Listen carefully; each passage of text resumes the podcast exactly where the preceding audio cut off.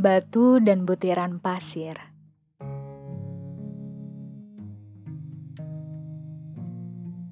Isi kepala serupa riuh rendahnya kapal terbang yang membumi.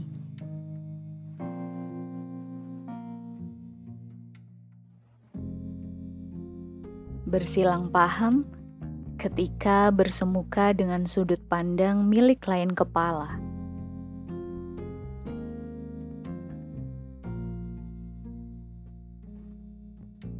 Harusnya bukan lagi menuding bagian mana yang salah dan benar,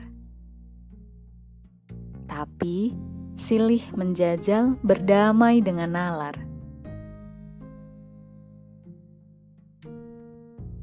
Baiknya, jangan ada banyak keluh kesah yang tumbang sebelum diutarakan. Lipat beberapa lembar rasa gengsi, amarah, tidak harus menjadi porak-parik.